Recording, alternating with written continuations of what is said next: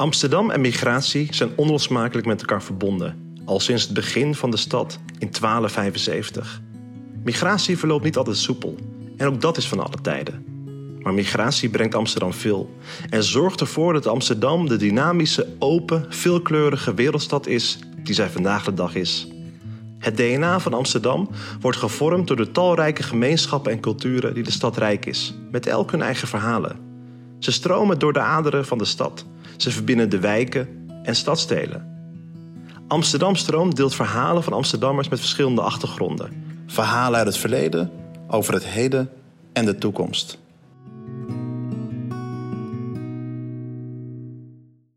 We vertellen het verhaal over de Ghanese gemeenschap in Amsterdam door de ogen van de tweede generatie Ghanese Amsterdammers. Bevlogen, ambitieuze twintigers en dertigers, wiens ouders in de jaren tachtig naar Nederland kwamen. Ze gingen op zoek naar economische kansen en groeiden op in Zuidoost en hebben een speciale band met het stadsdeel. Ze vertellen wie ze zijn en wat ze doen, hoe het is om een Ghanese Amsterdammer te zijn, wat Zuidoost voor hun betekent en hoe hun ouders als eerste Ghanese migranten het pad voor hun hebben gebaand. Aura, zou je jezelf even kunnen voorstellen? Ja, ik, uh, ik ben Awura, 32 jaar, geboren in Amsterdam in 1988 uh, als middelste van vijf kinderen. Um, ja, mijn ouders zijn eind jaren 70, begin jaren 80 naar Nederland getrokken uh, via het Verenigd Koninkrijk. Um, en hebben daar dus in Amsterdam in verschillende stadsdelen gewoond. En uiteindelijk zijn ze in Zuidoost, in Gein, neergestreken. En daar ben ik opgegroeid. Uh, vooral heel veel in de natuur, buiten spelen, uh, in het bos, bomen klimmen. En um, ja, heel veel met kinderen uit de buurt. Kinderen met verschillende nationaliteiten. Um, onder andere Aziatische kinderen, maar natuurlijk ook Europese kinderen. Iets minder met kinderen van Ghanese achtergrond.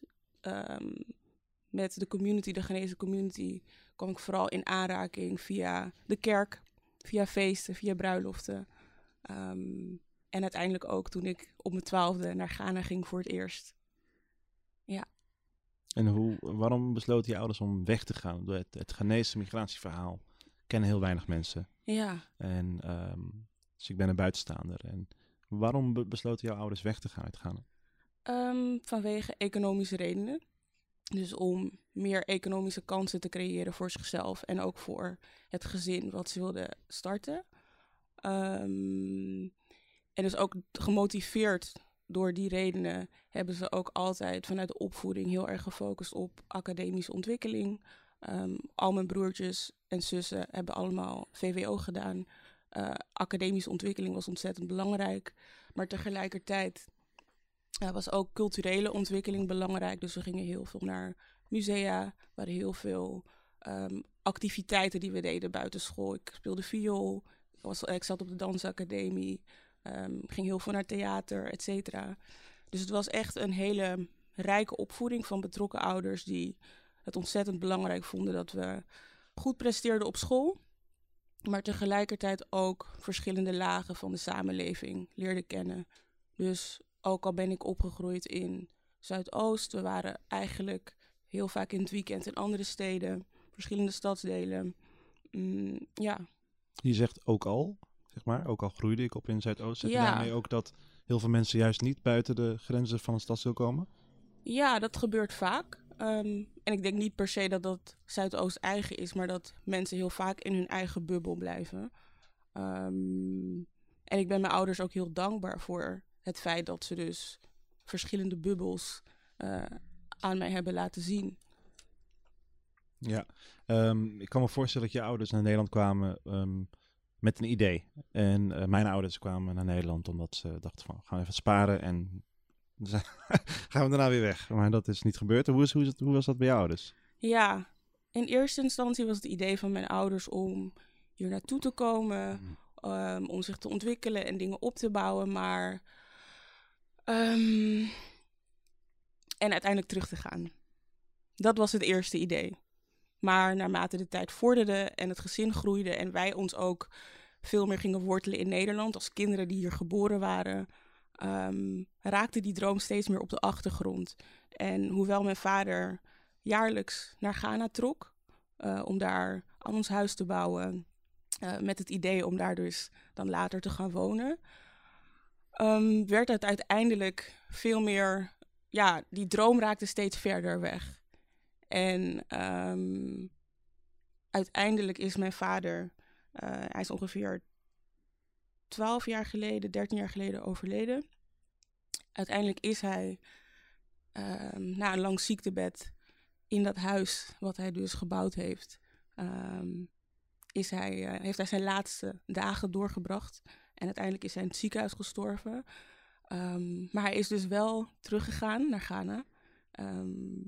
Wat altijd al zijn doel was, maar natuurlijk niet op die manier. Nee.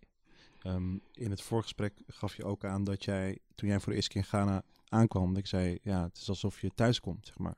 Uh, dus je je welkom voelde, dat je je thuis voelde. Um, klopt dat? En kun je dat gevoel beschrijven?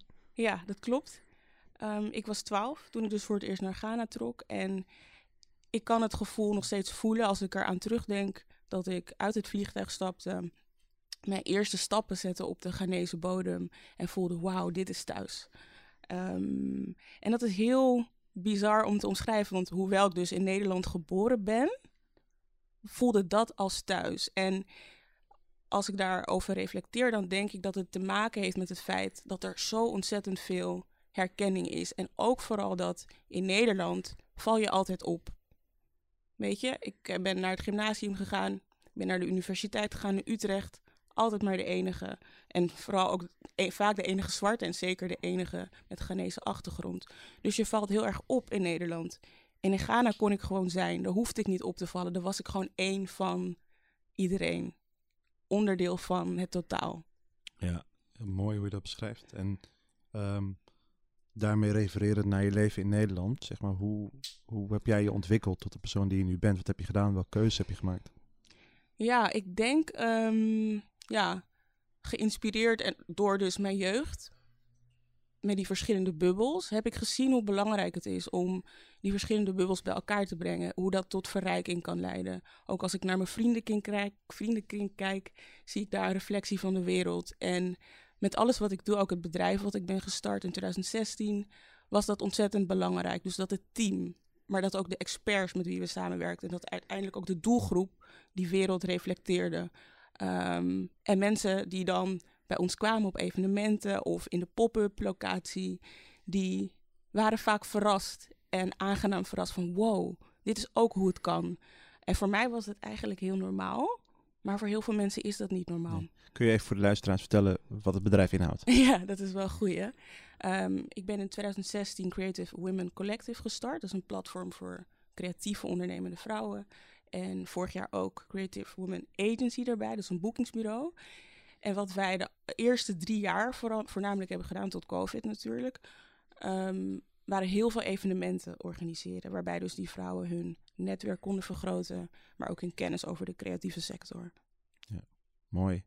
Um, je had het net ook over die bubbels. Uh, er wordt door buitenstaanders, uh, Zuidoost wordt gezien als een bubbel van de Ghanese gemeenschap.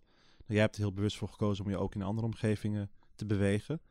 Um, hoe, heb jij je, hoe, hoe verhoud jij je tot die Ghanese gemeenschap in Zuidoost? Zeg maar? wat, wat, wat is zeg maar, het voordeel van zo'n hechte community zijn? En wat kan misschien soms als beklemmend ervaren worden? Um, ik denk wat ik ontzettend positief vind, is dat ik dus dat thuisgevoel wat ik in Ghana had, dat vind ik bij die mensen. Dat vind ik bij mijn vriendinnen met een Ghanese achtergrond.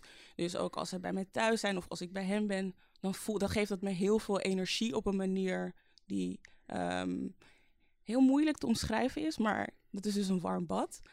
Um, en wat als beklemmend kan worden ervaren is misschien, um, dat zie ik vooral, vooral bij mijn moeder, die is heel erg, uh, wordt heel erg gestuurd door externe verwachtingen van wat denkt de community, de bril van de community. Zo kijkt ze naar haar leven.